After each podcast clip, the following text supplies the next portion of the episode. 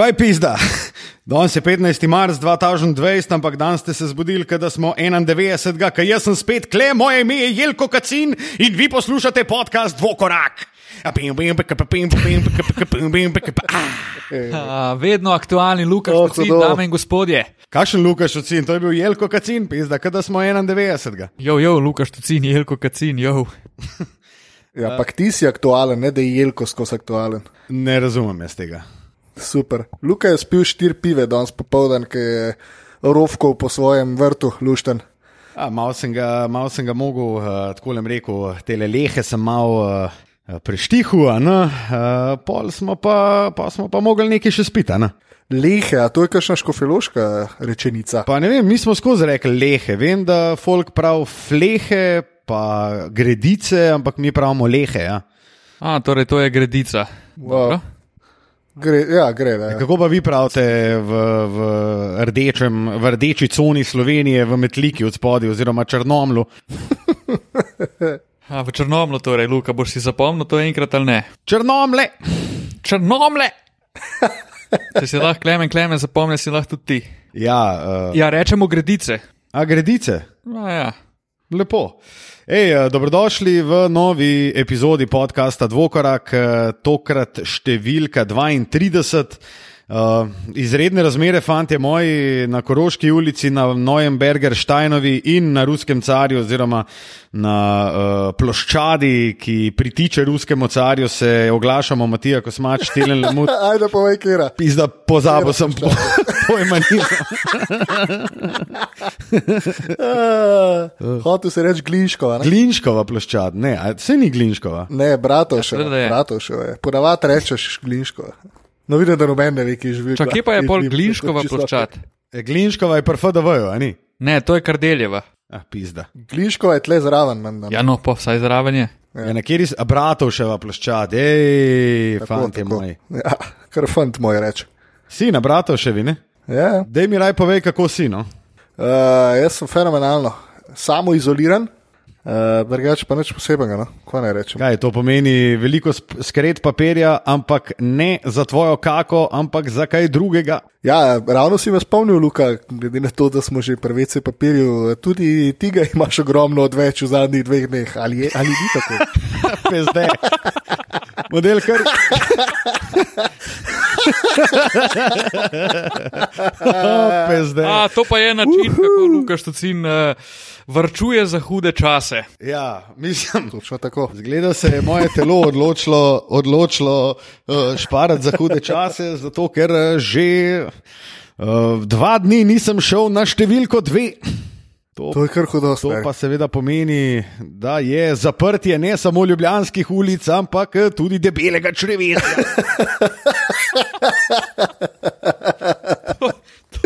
To je kar kriza. Ja, mičken je kriza. No. Uh, ampak, um, kot sem že rekel, da bom povedal to zgodbo, mislim, da ima uh, en model, um, ki sva ga s Teo srečala na sprehodu tri dni nazaj. Um, šla sva se malo sprehajati kle po Becerku, okoli Koroške ulice in Bežigradu in tako naprej. In sva šla mimo lokalnega Interšparja.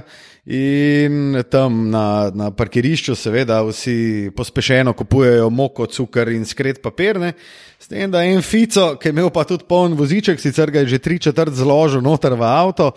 In zadnji dve stvari, ki sta mu ostali v vozičku, pa hkrati tudi najboljši za samo karanteno, oziroma karanteno nasploh, model je imel 12-pack donata, pa liter džina. In Če pa, če pa ta model na ostrovu, pa pa ben ne bo pizda. In, Usrane, in mogoče sem mu zdaj, mogoče sem mu zdaj malo fauš, oziroma mu zavidam, glede na to, da meni bi zdaj ta 12-pack donata še kako prav pršel. No, jaz upam, da zdržiš uh, še dodatno urico, no, poleg teh dveh dni, Ne, seveda. tole seveda. epizodo. Se je v bistvu zdaj začel v zadnji uri kar dobro odvijati v tej smeri, da mi bo mogoče dejansko uspel. Ne, sej, sej je v redu. Sej nam, se, mislim, zakaj smo se zdaj poglobili in že tri, minut, tri minute razglabljamo o tem, zakaj jaz nisem šel kekit že dva dni. Po mojem, glede zaradi tega, ker nas Tilen, Kako pa drugače. tvoje izločevalne Pa moje, moje, super, odlično, odlično, ampak eh, mislim, da, mislim, da se eh, pogovarjamo toliko o Lukatovem kekinju, zaradi tega, ker nas pogosto obvešča, ko gre kekit. Ne? Zdaj, če nas ne bi nikdar obvestil, da greš kekit, bi mogoče mislil, da ti sploh ne kekiš. V No, tem to je laž, Pa pač moramo enostavno ponuditi neko minutažo v tem podkastu, glede na to, da snemamo 32. sezono, pa še nismo. Je edino prav, da smo par minut eh, posvetili tudi tvojemu keku, Mislim, to. Matjažu to, keku. Franci, ki. Oh, ej, eh, kaj pa kaj počnete, da si krajšate čas v teh uh, dneh uh, izolacije? No, ti nam kar da. Ja, jaz sem v bistvu uh, bil doma, zaradi tega, ker sem je mati praznovala rojstni dan in sem šel voščit. Uh, zdaj sem pa se danes v bistvu pripeljal nazaj v Ljubljano in grem v samo izolacijo, čaka me delo od doma. In, Uh, iz kje si se pa pripeljal nazaj v Ljubljano? Sicer sem pa super.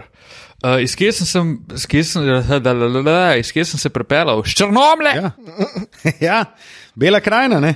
Proklet A, veš, pes. da, veš, da. Dol v stan. Oh, wow. Wow, res.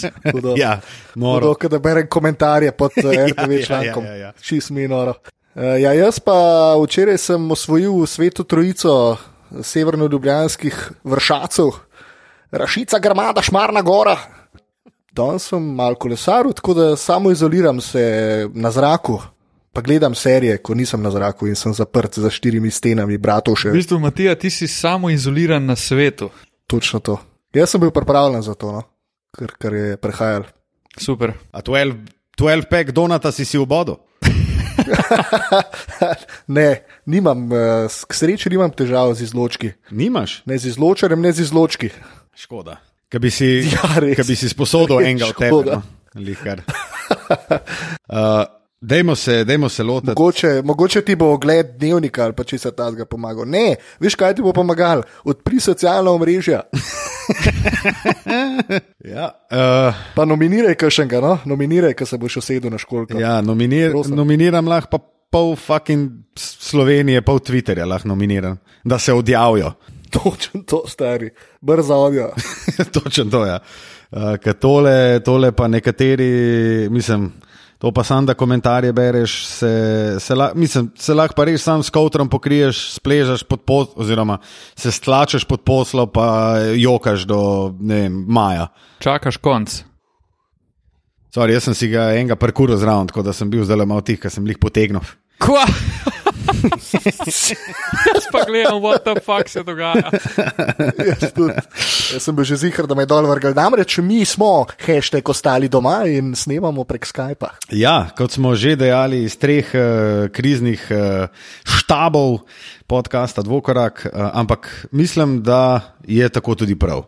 Govorili smo o tem, da se bomo dobili, ampak ker smo zavedni državljani, ker se zavedamo nevarnosti, smo seveda ostak, ostali doma in snemamo tako, kot smo snemali, mislim, da prvih 15, koliko, je, 15 epizod smo snemali najprej vsi prek Skypa, potem smo se pa v bistvu začeli malo družiti in se v bistvu potem začeli dobivati na Koroški ulici in delati to, kar, začeli delati to, kar zdaj delamo. No, v bistvu jaz mislim, da je bilo kar konkretno manj kot 15, ampak dober Jaz mislim, da vsaj pol manj. Ja, Smo pa že utečeni, no? kljub temu, da moramo kakšen Skype naslov zamenjati. ja ki, ki kdaj.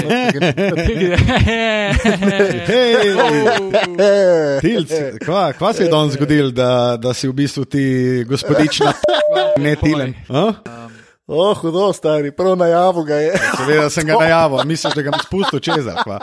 Luka, se ne morem verjeti, kaj delaš. Jaz sem mogel, jaz sem mogel gospodično.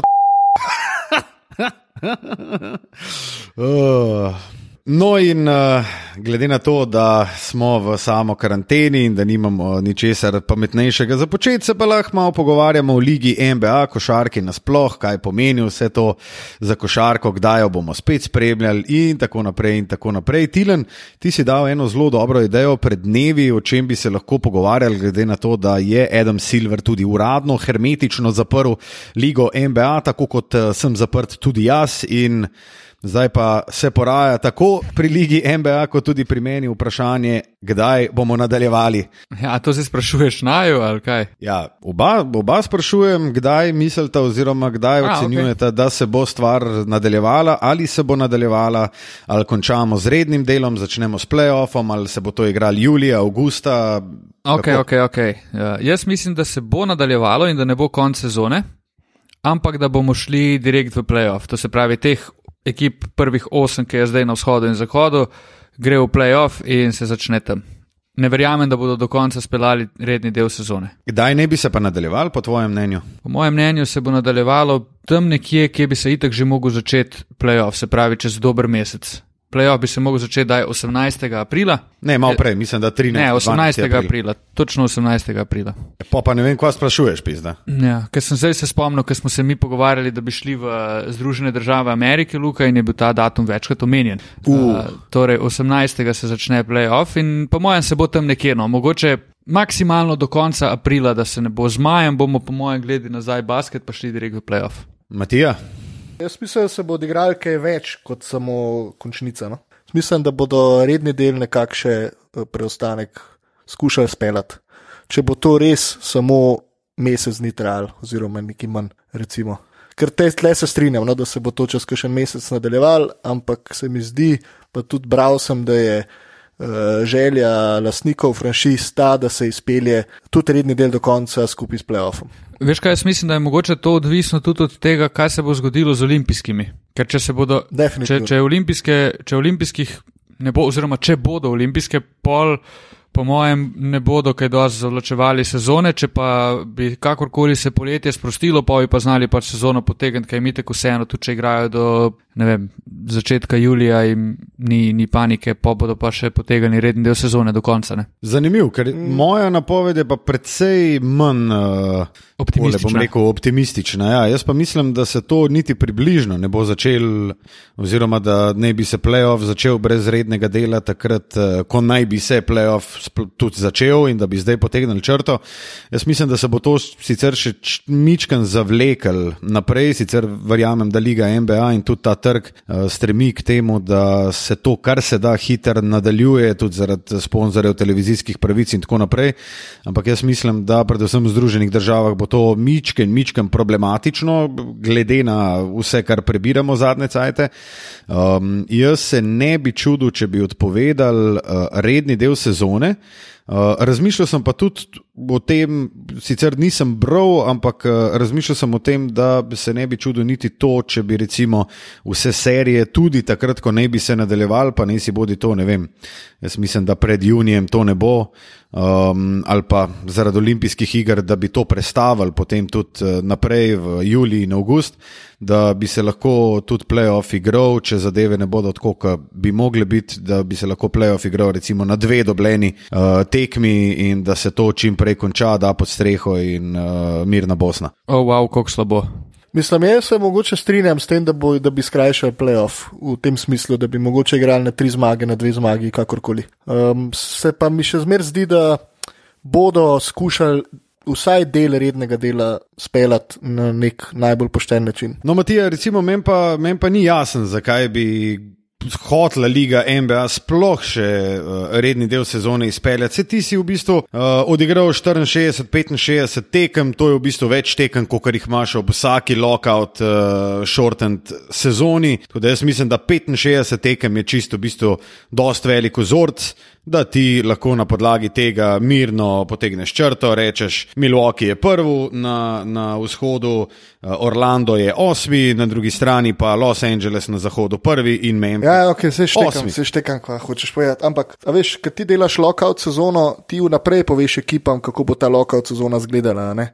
In je zato čist ležit vse, kar se zgodi, tudi če je manj tekem. Tle imaš pa ti ekipe, ki recimo sploh niso odigrali istega števila tekem. Sej, Konec koncev, v tem trenutku to na standing se verjetno niti ne vpliva, zato ker najbolj kritično, no, ajde, malo vpliva, ampak na osmo mesto ne vpliva neki full. Portland je tri zmage zadnji za Memphisom, Ja. kar je v bistvu še najbolj kočljiva zadeva. Tam na, Um, na vzhodu mislim, je pa za to, Washington da- šest zmag za Orlando. Ja, tako da ja, jaz sploh ne vem, itak. zakaj bi se karkoli šli. Zato, ker pač No, Matija, kar povej. lastniki hočejo speljati um, do konca tudi reden del. Ne? Taka je njihova želja. In zdaj, jaz mislim, da bodo oni pritiskali k temu, sploh ekipe, ki so v igri za višja mesta, da se odigra vsaj del, vsaj tako, da bo približno fair, reden del sezone. K temu bojo stremeli. Zdaj, jaz se čist strinjam, da je to ok vzorc, pa jaz se čist strinjam, da se konc koncev, ki veliko ne more spremeniti. Ampak glede na to, kaj sem uspel prebrati, je to moje mnenje. Dobro, ok, pa, pa tvoje mnenje, kurc, kaj zdaj jaz s tem.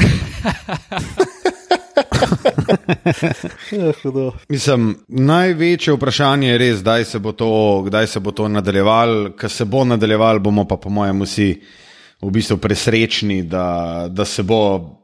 Jaz v bistvu lahko rečem, da mi je daleč najbolj žal za par ekip, ki nimajo pač še teh 15 oziroma 17 tekem um, priložnosti, da, da bi se uvrstile v končnico, predvsem na zahodu, to gledam Portland, New Orleans, pa San Antonijo. Recimo.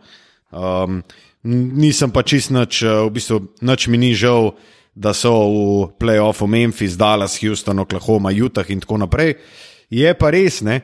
zdaj se lahko tega dotaknemo, preden v bistvu gremo na hate kotiček, ki smo ga mimo grede povsem pozabili. Ja, jaz sem ga hotel malo izpostaviti, sam sem si bil tako suveren, da nisem si niti. A v bistvu je beseda kaj lepo tekla, no, pa ne moramo si se to učitati, Luka. Dejno. Tako, tako, tako, tako, tako, tako, tako, tako, tako. No, dobro, ok, potem se pa, potem pa, potem pa, potem pa se, potem pa, potem pa lahko se, potem pa lahko v bistvu pogledamo, kaj se je zgodilo z Jutahom, eh, z Rudijem Goberjem, Donovanom Mičlom in tako naprej. In jaz bi se v bistvu tukaj lahko tudi navezal na svoj hate kotiček, ki ga imam tokrat uh, zelo zanimivo oziroma zelo nepričakovano mogoče na uh, Voža, ne, Vož, ki je seveda glavni maher, kar se tiče tradov in uh, teh breaking newsov, kar se lige NBA tiče. Se mi zdi, da je on v bistvu zelo neprofesionalno in zelo, pa ne.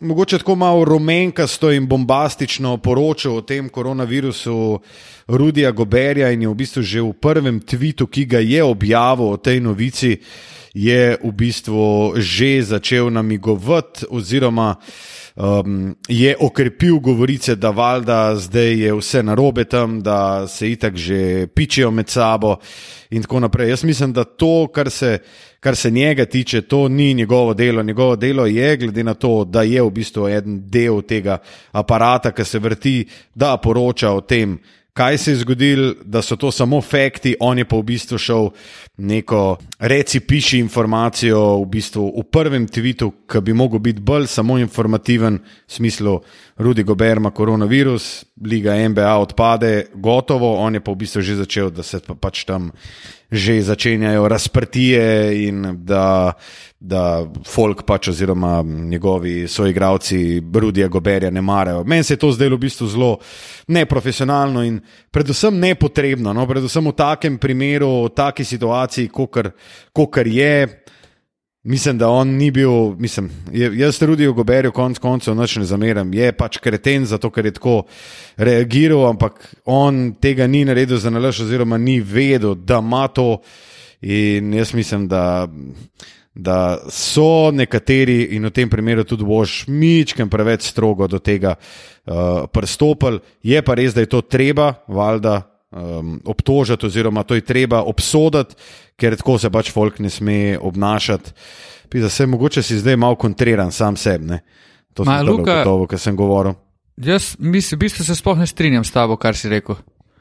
Ker sej kaj pa je drugače, ko je vož poroča, sej on pa še en sporočata stalno tudi o nekih nestrinjanjih znotraj ekip, uh, če si gre kdo na živce, če uh, se igravci izpostavljajo v nekem negativnem smislu, če prihaja do razdorov v ekipah. Pač edino, zakaj je tu sporno, pa mogoče voža držiš na drugačne standarde, je zaradi tega, ker je taka kočljiva oziroma neprijetna tema za cel svet. A veš, ko pa on brejka, da, ne vem, da Kyrie Irving spet govori o tem, da je zemlja ravna, ne, pa da se zaradi tega med neci s Spencerem Dinvidijem, pa da do nekih razprti prihaja, to nam je pa vsem ok, da breka. Se to je pač njegovo delo, da pove, kaj se dogaja v ekipah. Ne? In tukaj Dobar, tudi samo on ni vem, nikoli breaknil, da je Kyrie Irving uh, mislil, da je zemlja ravna. Ne? ok, zdaj sem dal primer, ker.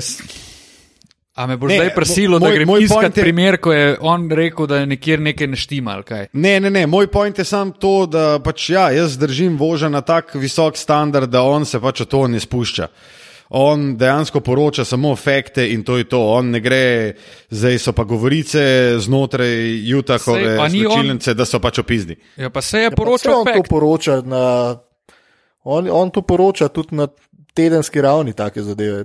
Meni se to ne zdi. Sej to je fact. Ne zdi se mi, da bi s tem tweetom kaj drugače naredil, kot naredi drugače. On pač, ko novico dobi, jo skuša prevesti normalnemu ali pa uh, povprečnemu NBA fanu, a ne, kaj lahko to prepelje. In sej on je pogosto, tako kot je Tilan dobro rekel, pogosto breaknil. Um, da ne vem, zaradi intervjuja, ki ga je imel Kajri, če se že na Kajrija navezujemo, um, je v locker roomu uh, Brooklyna so težave s kemijo v ekipi. Mislim, vse on vedno to doda.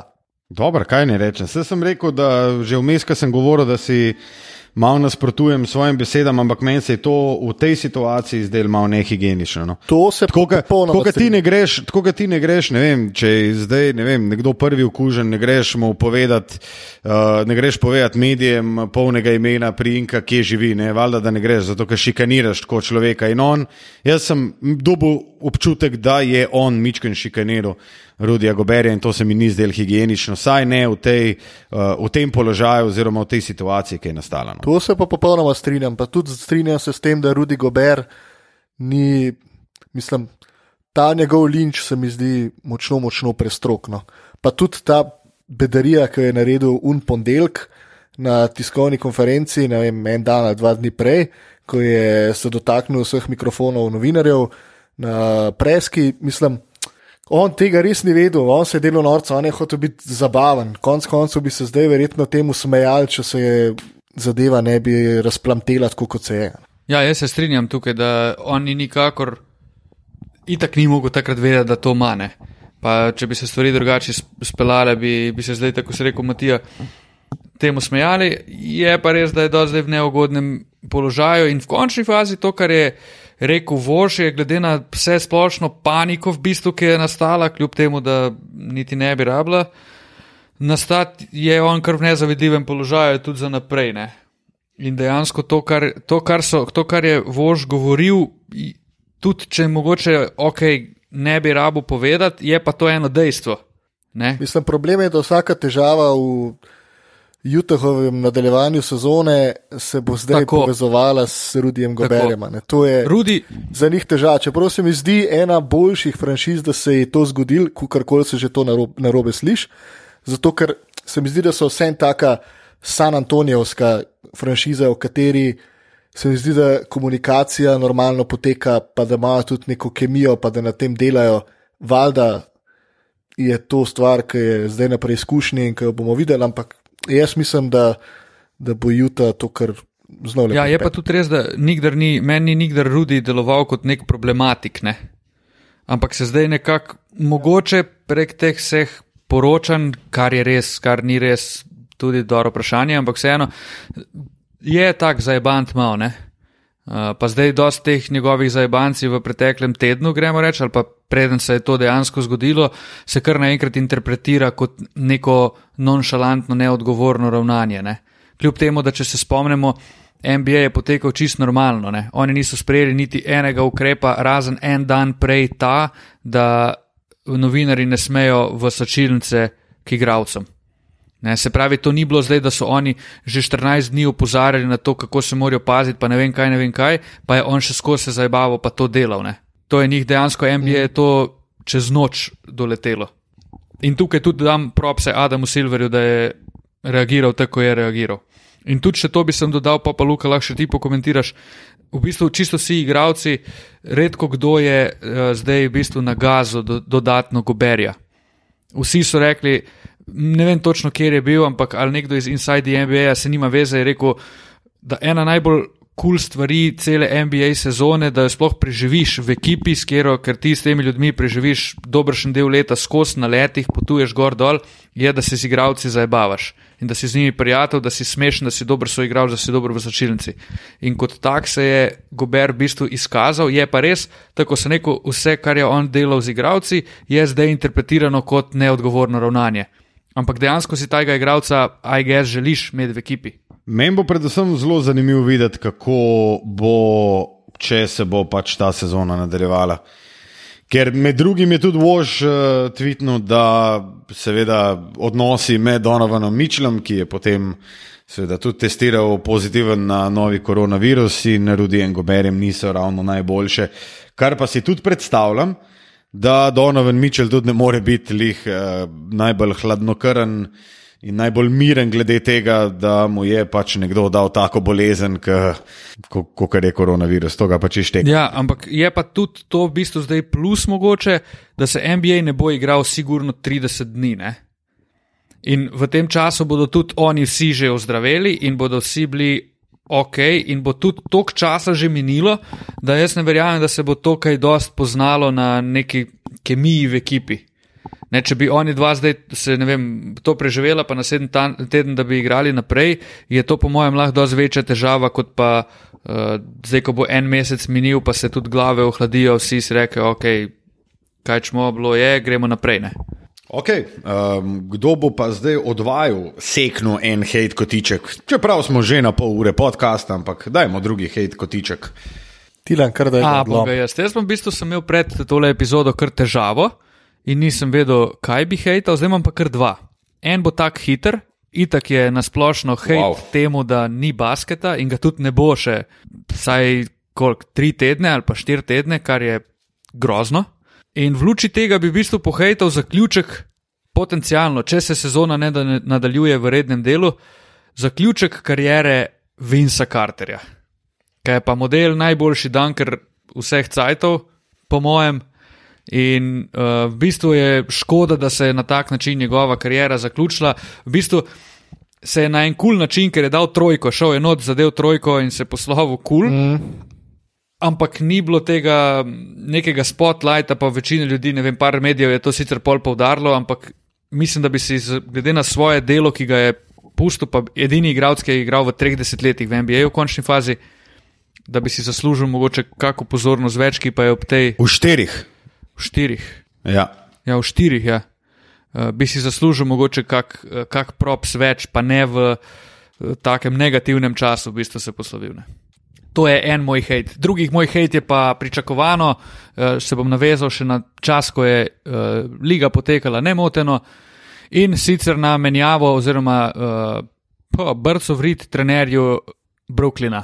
In pol, uh, mojstri, bravo, Kajri, bravo, KD, res šefovske poteze dveh super zvezdnikov. Ojoj, ojoj, ojoj, te pa res, they just can't catch a break. Ne? Mislim, po mojem je bilo čist polna kapa, koču pa je rekel, jaz grem, jaz se tega več ne grem, ker mu je po moje un srav, pa sploh ni igral pol sezone. To, to so fanta moja jaz mislim, da res neznosni pogoji za delo, če moraš s temi ljudmi uh, delati. Ne. In zdaj sem v bistvu bral še en na Bleacher Reportu, še en članek, ki je govoril o tem, priča, če je sezona končana, kaj čaka vsako ekipo. In so rekli za, za Brooklyn, definitivno, kjer ga trenerja nabaviti, ker imajo en kup igralcev, Deandreja Jordana, ki je podpisal pogodbo zaradi tega, ker je kolega s Kyriom pa KD-jem, se pravi, ima tu podporo, kljub temu, da najbrž več niti ni sposoben, ne vem, kako dobro odigrati. Pa imaš pa Kajrija, katerega vodstvene sposobnosti so več kot dvomljive, pa KD-ja, ki je pa v bistvu zdaj štiri sezone igral, tri sezone igral pod, mm, ne vem, kako je prevel besedo, scrutinized. Uh, pač v neki organizaciji, ki je bil skozi vrhu, ampak se ga je skozi nabijalo zaradi takšnih in drugačnih zadev, in to so težki pogoji za delo. Vsaka čast unemu, ki bo sprejel ta pozicija. Vse ja. so v bistvu že, že povedali, kdo mora prevzeti ekipo, tako da če to ne bo Tajlu, bom zelo presenečen. No, in glede na to, da jaz mislim, da je, jaz mislim, da je Tajlu en slabših trenerjev, ki jih je NBA liga kadarkoli videla. In glede na to, da si ga Ja, Kajri Irving ampak- želi v ekipi, njega je to sem dokaz, da če spet biti. to- Oziroma, bom rekel, če se to zgodi, Brooklyn nikdar ne bo nič. Uh, a to pa, To pa lahko bi zapišemo. bil pripravljen, Lahko morda. damo eh, roko pa za nekaj. Kaj, nikoli prvak. Nikoli. Dokler bosta v ekipi KD pa Kajri, pa če bo ta elu trener, ne verjamem, da se lahko karkoli zgodi iz njih. Jaz bi se v bistvu s tem kar strinjal s teboj, moram pa dodati še to, da ej, Kajri je zaključil sezono, ampak je pa še vedno najdel cajt, način, kako zasrati neki stari, kako spet prideti v medije, da ga ljudje še bolj ne marajo. Res, on se po mojem, on po mojem zjutraj se zbudi, razmišlja, pizda, kva bi pa danes zafuku, da me bojo ljudje jebalo glavo, pardon izraz. On je grozen, on je res en paglavec, ki ti sem mori life. In nič, nič dobrega ne prenese, sam moriti skozi in ne moreš se ga nikakor rešiti. Tako on meni zgleda, res grozen je, obupen. In tudi s to sezono, kar je naredil v Brooklynu, pa te poberse. Ja, on bi bil v kakšnem Urakar parku dosti bolj zanimiv, se mi zdi. Kot v NBA ligi, v tem uh, player empowerment obdobju, ko imajo, mislim, da kar uh, vsi superzvezdniki svoje mnenje in ga hočejo usiliti uh, GM-om, trenerjem in tako naprej. In noben ne zaupa ljudem, ki so za to postavljeni na to mesto, pa na ta mesta, pa tudi konc koncev dosti več izkušenj s tem, kot pa en uh, nadut On to res slabo dela, superzvezdnik. Ne? on to grozno dela. On to dela na način, da zruši celo sezono. Njemu bi v Rakar parku, kot si rekel, Matija, da bi bil tam bolj zanimiv. Ja, bi bil zanimiv, zato ker bi zobe pobiral po tleh, zato ker tam bi mu v petih minutah nekdo fiko razbal, stari. Ej, jaz pa mislim, da je zemlja ravna. Gž. Živ, živ. Mogoče, Eš, mogoče bi ga že pri mladih letih naučil. Ne? Kozih molitvic pa bi se pol mal podredil, pa tako naprej. Tako pa je, lahko rečemo, da igralec, ki je vse, kar je hotel v svoji karieri dobu na pladnju in se ni rabo za nič kaj dosti potruditi. Tako da je v bistvu en Ja, razvoj. odkar se je on hotel truditi za lastno dobro, mu gre sem še navzdol. Ja, kot da se ni nič spremenil, Madonna. Kot da, se, kot da liga NBA še vedno teče, hejtamo Kajrija Irvinga, hejtamo Brooklyn Nece in odločitve nekaterih GM-ov.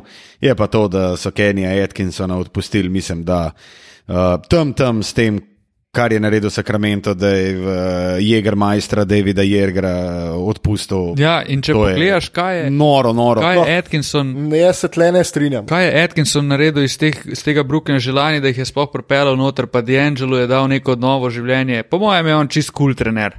Jaz mislim, da je on vrhunski trener, sam ne za tako ekipo. Mislim, to, kar so, če so oni hoteli sfurati uh, naslednjih vem, pet let, recimo s Kajrijem in KD-jem, glede na to, da Kenja Atkinsona verjetno že malo poznajo, so verjetno tudi vedeli, da ta stvar ne bo zvozila. Ne? Tako da meni se to, da so oni njega odpustili, zdi čisto ok, ker je tudi sam povedal, da se pač ni, ni, igral, eh, ni trener za superzvezdnike, je trener za razvijati talent, tako kot je to počel v lanski sezoni. Ampak In... on ni. Verjetno ni res pravi za trenutno Ja, situacijo. ampak pazi, on Neki bo že na tem. se strinjam, v redu. Ampak on ni sploh še imel na treningu KD-ja pa Kajrija skupaj, naprimer. Veš pač, Kajri od tega ni igral pol No. sezone, model ne igra sploh, pa dela problem. Ampak če si poslušal Steva Kera pred kakšnima dvema letoma, ali pa tri, se ne vem, koliko je bilo, glavno pred časom, je povedal, da delo glavnega trenerja ni toliko delo trenerja, kot je to neka politična vloga. Se pravi, ti si tisti, ki mora povezati ekipo, ki se mora razumeti z igravci, pa konec koncev potegniti poteze, ki bodo dobre za, za, za skupno dobro ekipe. In zdaj imaš ti situacijo, v kateri je Brooklyn, ki imaš dva igralca, ki po kvaliteti močno odstopata od preostanka in očitno tudi osebnostno. Um, Imáš pa ekipo, kot jo je imel Brooklyn lani, ki so bili čisti underdogi, vsi so imeli nekaj za dokazati, vsi so se imeli še ogromno za razvit in Kenny Atkinson je bil ta prav za to situacijo. Nisem pa zihar, jaz ne govorim, da je on slab trener, sam da ni, mogoče ni trener za ekipe kot je ta. Tako kot je Luke Walton lahko vodil, uh, dober, full slab primer, ampak se veste, kako hoče povedati. No. Super si to zaključil zdaj. Mislim, Ja, da pa ne, lahko se- še kar- nadaljuje s svojim hate kotinčkom. Ne? Kotinček. Kotinček, kotinček. to bi bilo lahko kakšno, zelišče. Malo kotinčka noter. To bi dajal skozi v špagete. Paradižnikovo omaka, pa še malo kotinčka, peteršilčka, pa malo bazilika, pa smo tam. Top, stari. Uh, ja, neč, zato, ker ni lige NBA ne, eh, in obračamo še vedno socialna mreža v upanju, da se bo še en highlight pokazal na timelineu, uh, pa se mi na storijih, timelinih in podobno kažejo, uh, kako bi temu rekel, svetniki koronavirusa in hkrati tudi uh, vsebine, ki so mal manj povezane s aktualnim dogajanjem v lige NBA pol uletijo te vsebine uh, z osnovnimi matematičnimi funkcijami. Ne? To je tudi moj hate. Osnovne matematične funkcije niso usoda, stari. To, da se je nekaj zgodil in pogledaš na ekran in pogledaš številke in rečeš, wow, stari, zdaj pa če te tri stvari seštejem. Pa pol unos delim, pa dodam še cifro, ki jo je en igralec nosil leta 86, dobim pa en full relevanten podatek in full čuden, da se je to zgodilo dan danes. Daj prosim te stari, a res. Mislim, da je z jih sta videla, če ne drugega, vsaj uno, ki je bilo vem, na tekmi Toronto, LA Lakers. 81 proti 81, pa 24 sekund do konca napada in uf, kašna usoda. Ja, porka Madonna, na tri četrt tekmah je 81, 81, pa ena ekipa ima cel napad do konca. Pa da je, no. Pa Jason Tatum začnemo bolj resno igrati. Ja, ste videli, da ima vi- vijoličen trakec na roki, pa da je, no, res, ja, trakec ga je zdaj pa dvignil. On- Ni to, da je on garov, pa treniral tri leta, ne, trakec ima na komovcu, to ga, je- to ga je zdaj dvignil na višjo raven. Ja, tako kot takrat, ima Lebron eh, na prstu cifro od Kobija, mislim, pa wow, res, pa je od takrat igra fulboljš, pa dajmo se malo staviti. No. Ja, to se je takrat začelo ne, z Lebronom v Miamiju, kot headband, Lebron, ne, oziroma takrat je imel face mask. Na Ne. Face mask, pa tudi Je bil headband je kao- bil Ja, v ja. bistvu. On je, mislim, en sred. Headband je bil pa pol par Clevelandu. Ne. A, ja, ja, ja, tako, In tako. Jaz se spomnim, da sem delal eno tekmo finala, mislim, da je bilo konferenčno polfinale in sem videl statistiko. Lebron, Lebron with a headband and without headband, pa sem si mislil, da je fajn, pa se mi zdaj kle gremo. Model ima trak na fiki in ti zdaj temu daješ relevantnost. Zato je šlo meni najbolj na živce vedno, vsake olimpijske igre, pa ljudje moji. Vsake olimpijske igre. Ja, Slovenija ima pa na milijon prebivalcev, ima pa kar štiri medalje, pa pol. Ja, pa koga boli kurat, stari. Če je Kozmus fuknil, kladil pis, da 90 metrov, pa je dubu zlato, eno zlato imamo. Koliko imamo na milijon pis, da pol dve zlato? Ne, eno zlato imamo, kaj te boli kurat, koliko je na milijon prebivalcev, koliko mi gre to na živce, stari. Jezus Krist. Temu se pa reče obol.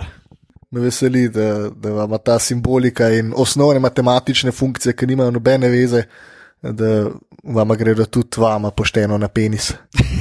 Ja, pa tega je zdaj zmer več, ne, ne samo v Ligi NBA, ampak tudi zdaj ta koronavirus, koliko je bilo nekih grafov Slovenija, obolelih ja, na milijon prebivalcev, pa dobro, fanti moji. No. Če jih se jih je včeraj tako ukužil, pa če se jih bo vsak, vsak dan naslednji tok, pa še kakšen zraven, zato ker stvar seveda eksponentno raste. In ne vem, čez, it- itak čez dva tedna bomo vsi pocrkali. Če skupaj potegnemo tisto matematiko, ki jo ti naši vrli s- uporabniki socialnih mrež lansirajo, noro, no, noro. Fleten. Ni tako simpel, ljudje, ni tako simpel, prosim. Ne, res ni.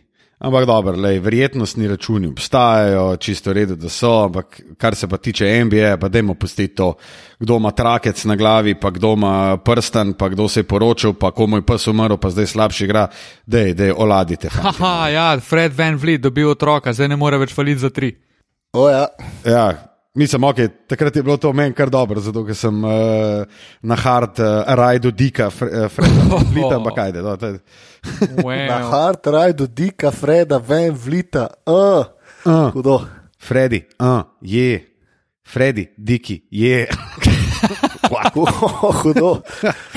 Se pravi, te je Fred od odzadi rajda, tako kot je rekel zmago Jelinčič plemeniti. wow, Matija. Yep. Tega pa jaz nisem rekel. No. ja, no, rekel si, da na hard ride dika, zdaj jaz sem še položaj dodal. Rejko, rejko. Rejko, A veste, kaj pa rejko, meni najbolj všeč v, teh, uh, v tem času? da ko snemamo, da nas sploh ne rabi brigati, koliko smo dolgi, zaradi tega, ker pač ljudje bodo doma in bodo imeli, predvidevamo, caj, da bodo to poslušali v miru. A ni to zakon, ki se ne rabiš sekira zaradi dolžine? Ni to za. Tudi to je ena izjava, ki bi jo lahko tolmačil na različne načine v bistvu. Kva si šel, pa V bistvu. z, energijsko si bil pa klele norne. Kva je to zakon, kam mi ni treba skrbeti, to laj. V bistvu si svet malo zdi suštucina. ne, samo to. Ja. Eh, To je eden in edini namen teh podkastov. Ja, Lukaš, poceni pa, da se tudi v tvoji posteli sekiraš za eh, čas, tako kot se sekiraš za naše podkaste. To ja. Ja, tole pa mislim, da je novica, ki eh, mirno sodi v našo novo kategorijo skreta. Koliko časa zdrži? Poglejte, štucina. Šokantno, ne boste verjeli, kaj se je zgodilo. 33-letni podcaster Lukaš Štucin zdrži približno 15 sekund. Poglejte, kaj se je In zgodilo. če se potem- šteje- Evo Kakav njegovo- nižji 48 ur. In če seštejemo njegova leta in uh, to, koliko časa zdrži, pa vse skupaj izdelimo uh, številko njegovega najljubšega igralca, potem dobimo dolžino petisa, Luke Štucina, neverjetno, kakšna usoda. O, ja. Wow. Čak, stari, dej, dej, mi, dej mi še enkrat povej to računico, ker zdaj bom pa zračunal, stari. Zdaj pa res zračunal bom, stari, čakaj, čakaj, čakaj. Kalkulator. Če znaš to še zdaj enkrat rekel povedati, si- točno tako, pono, ponoviti še enkrat, vsaka čast. No, zdaj, če sem si prav zapomnil, torej sešteješ okay. dolžino v sekundah, koliko časa zdržiš v posteli s tvojo drago. To se pravi, damo Temu- mi uh, dve sekundi lufta, to se pravi 17, plus Super. Dodaš uh, število let, ki si jih že 33. živel na Zemlji, ja, pa temu dodaš, oziroma eh, to zdeliš z delim. številko tvojega najljubšega NBA ali pa oziroma košarkarja.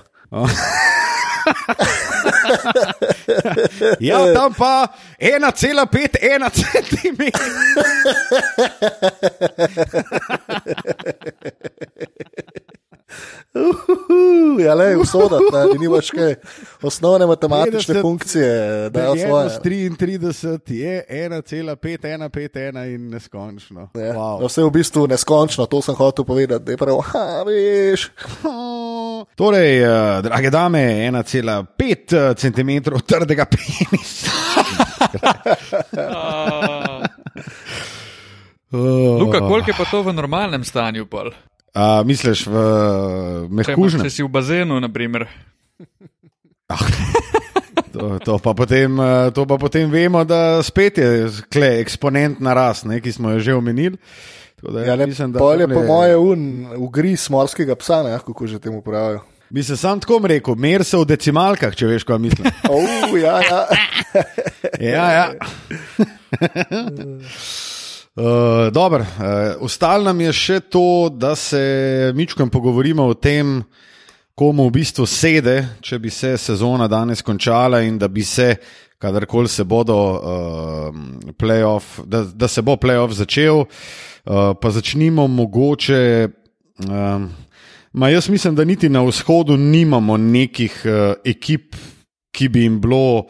Uh, zdaj, ful dobro ali pa ful slabo, da se to zaključi, glede na to, da vse en Miami na četrtem mestu ima pred Indijano dve tekmi prednosti, kva pa Boston ima pred Miamijem Ja, jaz bi dve rekel, tekmi. Jaz Pa bi pa rekel da Philly. Miami bi bilo čist ok, ker Miami je bil malo labilen mogoče za to četrto mesto, Filadelfija na drugi strani pa bi bil skrajen cajt, da začnejo izzivati to četrto mesto. Ja, sam Filadelfija je igrala brez Embida, igrala brez. Uh, No, brez sej, pač, Simonsa. če smatramo, da je konec sezone, bi jaz rekel, da je Filadelfija igri malo na penis, da je konec sezone. No. Če smatramo, da se bo playoff Misliš, da igral. ne, bi, da ne bi padla? Kam bi padel? Dobro, Kdo? ampak če bi, se, če bi se redni del sezone nadaljeval, ja, dobro, nima se kam padati. Ne? Ampak v bistvu, da se zacementira na šestem mestu. Mislim, Jaz se fili najmanj, da se pomeri ja. za peto mesto, če že z Indijano. Fili bi mogel vsaj eno mesto Strinjam, da štartajo na Miami. Valjda, da štartajo na Miami, stari. Mislim, v končni fazi, uh, Fili je tudi štiri tekme, štiri zmage za Bostonom. Ne? Točno En Ni to. zdaj v, v 17 tekmah neulovljiva zadeva. Ne? No, dobro, ampak govorimo, da so oni zdaj v bistvu v zadnjem obdobju igrali brez Bena Simonsa, da je imel tudi Joel Embiid poškodbe, kdo pa, kdo pa prav, da ne bi oni v bistvu pustili Indiano in Miami in Boston, da jim pa čist pobegnejo. Pa sej, Brooklyn jih še kar ne bojejo, se pravi, oni imajo situacijo, v kateri praktično ne morejo izgubiti, lahko pa lahko zelo veliko dobijo. Se. To, to je pa res. No, no, To- no, no, no, to se no, pa pa strinjam. smo le prišli. a Ne? Seveda. Skup. Okay. Treba malo ne razložiti. Mislim, je pa to, se strinjam, da čist edina stvar, konc koncev, ki jo na vzhodu lahko menimo. No. Se mi zdi, da vse ostalo je kar ležit. Da se ne Ja, bi bi pa- nekaj dosti bunil. Ja, na zahodu je ful preveč, ful več je takih primerov. Ne? Tukaj imamo vse en. Uh, Utah, Oklahoma, za Houston, zihar ni dobro, da so na šestem mestu. ne. Uh, sedmi Dallas je v bistvu čisto ok, glede na njihove igre. Memphis je, po mojem, bi bil najbolj srečen, če bi sploh prišel v playoff s takšno ekipo, pa imaš pa od zadaj Portland, New Orleans, San Antonijo, pa predvsem tudi Sacramento Kings, ki je v bistvu v zadnjem obdobju kazal ful dobro formo in je na zadnjih desetih tekmah pred tem, ko so končali, so v bistvu uh, imajo poleg uh, Clippersov in Lakersov najboljši skor na uh, zahodu, sedem zmag, tri je porazi in so v bistvu začeli kar malo s pohodom. Um, oziroma, ja, s pohodom v to zgodbo, oziroma v pogovor, da bi se tudi oni uvrstili. Ja, se Memphis je sigurno ekipa, ki je najbolj srečna od vseh, mislim, da če bi se Ja, zdaj itak. sezona končala, ker lov za njih bi bil kar pester. Ja, jaz mislim, da New Orleans pa Sack Town sta tle. Ima bo kar hudo, če se redni del ne bo več igral. Ma, jaz bi pridružil še. Portland. Portland se mi zdi, da ima manj možnosti kot New Orleans. Sem vprašanje, ali se oni strinjajo s tem, da imajo manj možnosti. Kaj pa moje se ne vem. Definitivno se ne No, sej, strinjajo, sej, to glih je zaradi, sej zaradi tega. Ne? Oni mislijo, da definitivno to lahko dobijo, pa glih zaradi tega in bo po moje krbet, da, da če se ne bo nadaljevala redni, ja, lada. redni del sezone. Ne? E, mogoče smo še eno stvar doživeli. Ne? San Antonijo po koliko 20 plus letih ne bo play Ja, jaz mislim, da je 22 letih.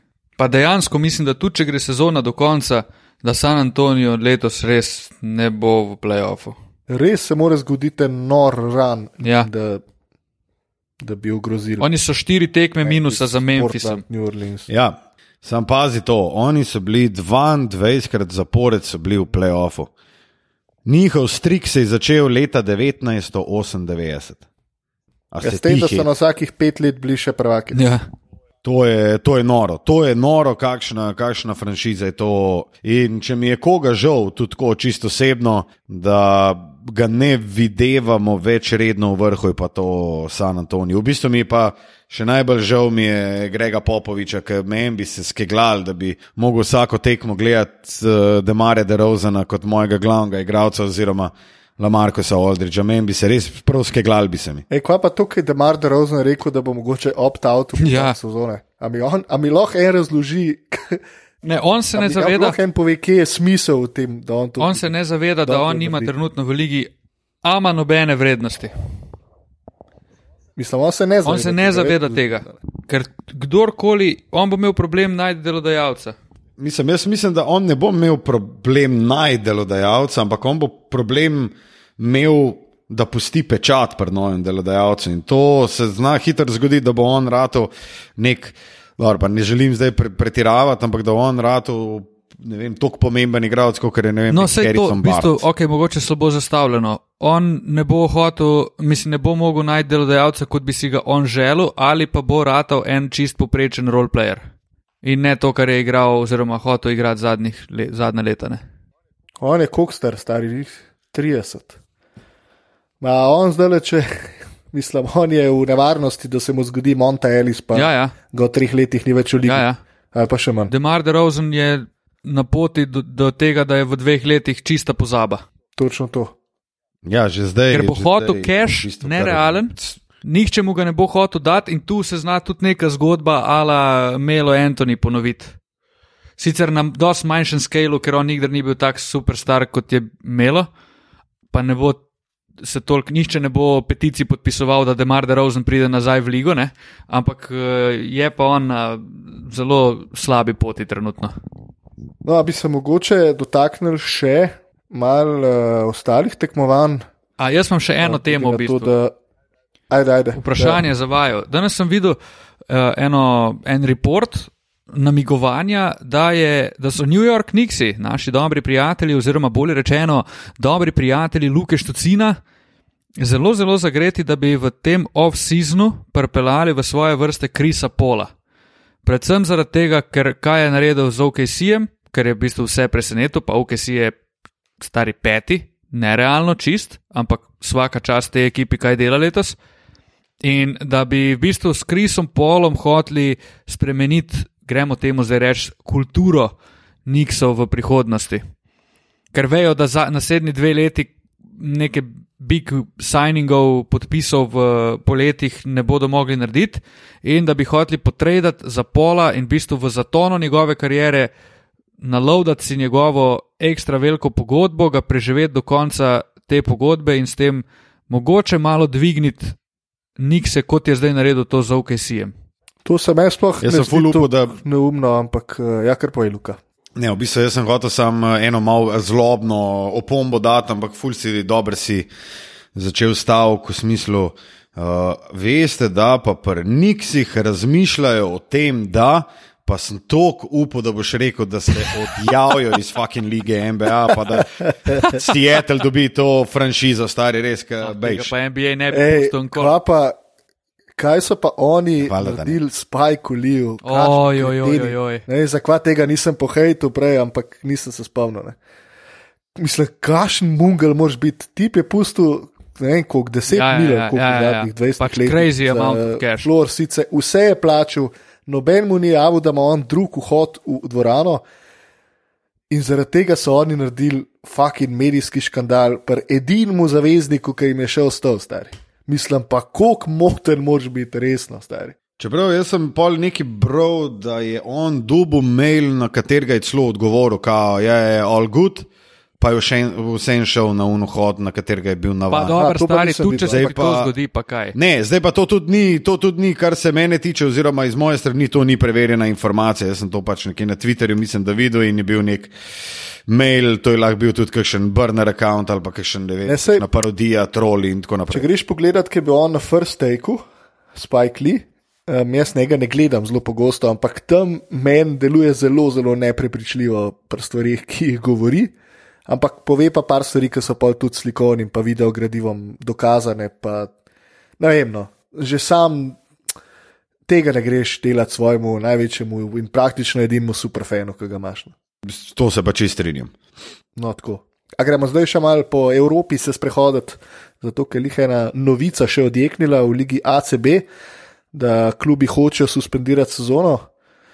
Um, brez eh, prvaka, brez tega, da bi katera koli ekipa izpadla. In, vem, zadeva se mi zdi strašno čudna. Jaz mislim, da od tega zmeri več. Aha, Zato, ker po mojem tudi. Uh, Jaz mislim, da je to, kar eh, Liga Indesa dela, oziroma hoče narediti, hoče narediti ekipe, to, da se pač izognejo temu prerekanju, a bi se, ukolikor se sezona ne bo mogla nad- nadaljevati, a se zasluži, da je pač nekdo, ki je zdaj zmago pred drugo uvrščenima, se on v bistvu že na koncu zasluži naslov prvaka. Včasih smo imeli tako, ne, da. Če se, če se dobro spomnim, oziroma vsaj na nekaterih uh, tekmovanjih je bilo tako, da pač Unke je bil po rednem delu prvi, Unije prvak, tako kot v. Recimo. no vse to so naredili v Belgiji, pa v Litvi, ne. Žalgiris pa Ostende sta bila že okronana prejšnji teden, oziroma ta teden. um, so jim dali naslov prvaka in zadevo zaključili. Um, v večini lig čakajo, da se bo zadeva nadaljevala. Um, zelo zanimiv članek na Eurohoops, da je Euroliga štiri koronavirus primere stran od tega, da, uh, da ne bodo mogli speljati Final Foura v Kelnu. Ja. Um, se, če, če se, zaenkrat je timeline, oni, na katerega oni upajo, še čisto ok, da se zadeva izpelje um, v sredini maja, tako kot imajo v planu. Ampak ja, če se v naslednjih dneh, um, pa v naslednjem tednu še naprej nadaljujejo okužbe, pa, pa to pomeni, da bi spet mogli čakati, da igravci ozdravijo in da tega ne morejo prenašati. Ma veš kaj, je pa že kar hiter ogrožen Final Four. ne. Meni se mogoče zdi celo preuranjeno uh, take zaključke delati. Veš, se, jaz razumem, da se oni zdaj vsi sekirajo uh, zaradi tega, kako jim bo ratalo, jim bo sploh ratalo, kdaj se bo lahko nadaljevalo. Ampak ti zdaj na to itak nimaš vpliva, niti nimaš odgovora na to. In pač enostavno počakaj en teden, deset dni, Ja, vidi, ja, boš ja, v katero smer gre To je bil en čist. in pol dalje. Ne? Zaradi tega mi je tudi, tudi ta vsa ugibanja, mogoče, ki jih tudi ene lige same dajo ven, da je. Pa kako bomo, pa kako ne, Ne, bomo. pa se to je bil članek od Eurohoops, to je bil čist neodvisen članek, ki je samo pojasnil, kako blizu smo temu, da lahko odpade Final Four. Ja, ja, se ta članek je čisto, ja, ta članek je čisto ok. Jaz bi sem čist neka splošna, ko se glih to temo prepelal ven, ne, se mi zdi, da ko si vprašal, da ACB razmišlja o tem, da bi suspendirali ligo, pa zakaj bi to naredil? Dej, ti kadarkoli lahko sezono ukineš. To lahko narediš tudi čez en mesec v končni fazi. In zakaj bi to naredil dva dni potem, ko si v bistvu prekinil za en mesec sezono? Pač počakaj, vsaj do konca tega meseca, in če ne bo šlo nič na boljše, reci, lejte, ne gre več, ne moramo, olimpijske preblizu, karkoli, te, te sezone sploh ne bomo šteli nikamor. Se pa tudi strinjam s tem, da je tudi to bedarija, ampak dej pol vsaj tistemu, ki je prvi po rednem delu sezone, je en prvak in čau. Zakaj bi ti cancel celo sezono?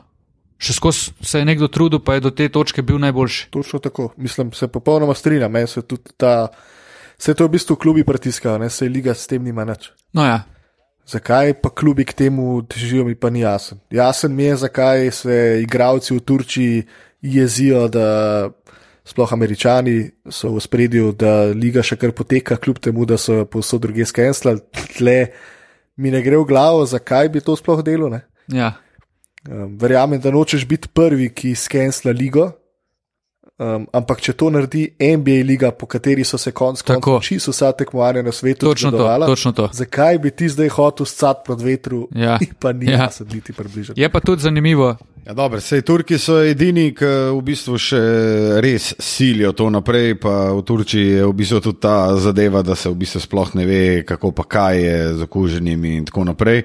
Sem pa videl na, na uh, Twitterju, da je Emiliano Karkija je dal en full dober video. kot James Nunley deli. Ko se je tako, Aha, tako, to sem with pa the A si komentiral to danes? Ja, danes sem imel Federbach, če tofaš. Ja, ja, in je delil v bistvu na ogrevanju, ki so bili v dveh vrstah, jim je lepo delil razkožilo za roke in gremo vsak si malo razkuži in gremo metat. Um, je pa res, da to, to da je skensli, skensli, skensli, ne se zabavati. No. Je pa še en to dokaz, da se dejansko kak vpliv ima NBA liga. ne. Ker so, ko po tekočem traku so začeli cancel v. Zjutraj smo se zbudili, smo videli, da je NBA skenslal in do treh popovdne je bilo vse skenslano. Od Eurolige, ko je, gremo temu reči, naslednja liga, državna prvenstva, vse. Razen Turki, seveda. Mislim, jaz to še enkrat več sam to pokaže, koliko se res NBA liga zaveda, da je njihova največja dobrina, ki jo imajo, so košarkari in da je treba njih zaščititi, um, ker tega se Evropa, Evropske lige ne zaveda.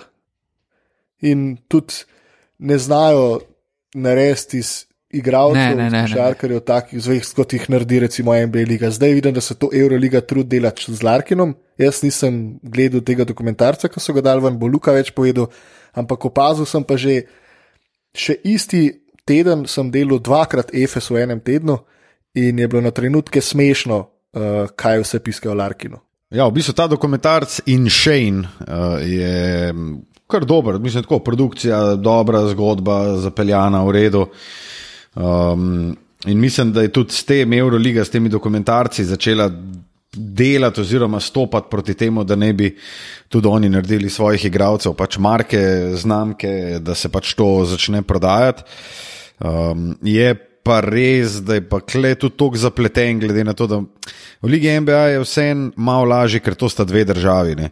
Um, ti imaš v Kanadi eno ekipo, klemaš pa ti dve izdržav, pa vsak klub ima neke svoje zahteve, pa ne, mi ne bomo dali tega igralca, mi hočemo zaščititi tega igralca. Vse je bilo tako podobno tudi pri Donki. Ne? Vsi so hoteli pri Realu, še preden je on imel to MVP sezono, vsi so hoteli z njim nekaj delati, pa ga je pač Real tudi zaradi mladosti ga je zaščitil. Ne? Ker recimo v NBA-ju je, vemo, kaj je bilo, kaj je Lebron prišel v ligo, prva tekma, ki se je raztegoval na sredini igrišča, je bilo okoli 40 kamer. Model ni mogel dihati na, na ogrevanju. A veš, to je tudi zelo, zelo um, velika razlika, da v Evropi je full več protekcije za glavne igralce, da se lahko fokusirajo izključno sam na basket, v Ligi NBA pa tega Zdaj pač si v bistvu rekel še en velik problem za Lebrona, ker tako situacijo ima zdaj 17 let zapored. Meni je to čist nerealno. Svaka čast, Lebron. Res svaka čast. Oj, oj. Jaz mislim, da je tole idealen trenutek, da nehamo s podcastom, da si ga gre lahko uh, Tilan malo umastiti tam le Wow. pod Ja, ja.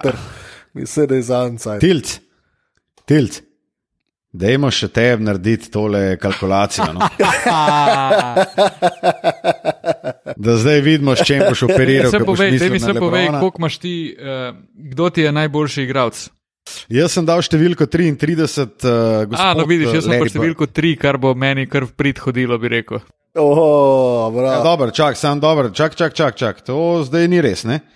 To se pravi, ti imaš, uh, kot sem slišal od zanesljivih virov, ti imaš čas trajanja, roko porabe, imaš nič celih ena, dva sekunde. to se pravi, nič celih ena, dva, ena, dva plus uh, 29, 28 let. si star? 28, bom, 27 v bistvu. Plus 28, deljeno s 3, pizda pa imaš še A, vedno. to. Ne, čakaj, to, s- to s- ja, ne, kurc imaš, ne, 9,3, ne, mislim, Kakšen orjak. ni, ni neki, ne, štibla je, ne, kurc. O, zakon. Ja, Dwayne Wade, ne. Uh, škoda, uh, škoda, ker ni od nobenega najljubši igralec Denis Rodman, ki pa bi se pa res o decimalkah pogovarjali. Ali pa Luka Dončić, ne recimo. Ja, ali pa Luka Dončić. Uh, Matija, dajmo, dajmo še tebe, no, na tnalo, da bomo zdaj vse dal. Ja, zdaj, To bi se rad, pravi. zdaj bi rad malo uh, manipuliral s tem, kdo je moj najljubši igralec. ne. Ja, seveda, da bi rad. Ne. Se v bistvu me to bolj zanima, je pa pač sam stranski produkt, uh, stranski produkt je pa pač tvoja Moja veličina. Kalkulacija. O, jaz sem To tam pravi- kot ti, Luka. No. A ne, kurac. Aha, to, to, to se pravi 15 sekund plus. Ne, zdaj sem jih hotel teh 31 20 minut let. v sekunde pretvoriti, pa sem se zataknil. No, no. Plus 31, kdo je pa tvoj najljubši igralec? Ja, Oziroma, lahko da samo težko. številko, pa bomo ugibali. težko rečem, kdo je moj najljubši, ampak recimo, da je to številka 30. Oh, Steph Curry. Dobro. Takole, tole zdaj izdelimo številko 30 in dobimo veličastnih. Uh, sam si pa še vedno večji mož od mene. No, ti imaš, jaz imam 1,5, 1, 2, 1, 2. Kaj se mi Ti imaš pa pogovarjamo?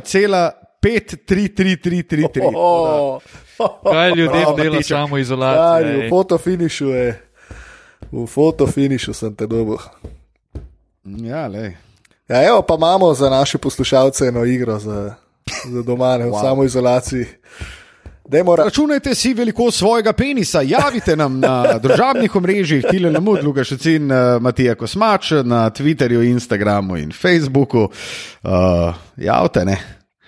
Javite, s čim razpolagate, kurcne. Kurc. Ja, pa kar vse decimalke napišite, da bomo videli, sploh, kakšne so razlike. ne. Ja. Dajmo se v decimalkah pogovarjati. Ja, sej. Zdaj bojo pa vsi, ja, moj najljubši igralec je pa Derek Rowe, številko ena, pa je pa 45, ki pele ven, pa ne vem kva, dej, pa pober se. um, ja, Super. mislim, Super. da je to to.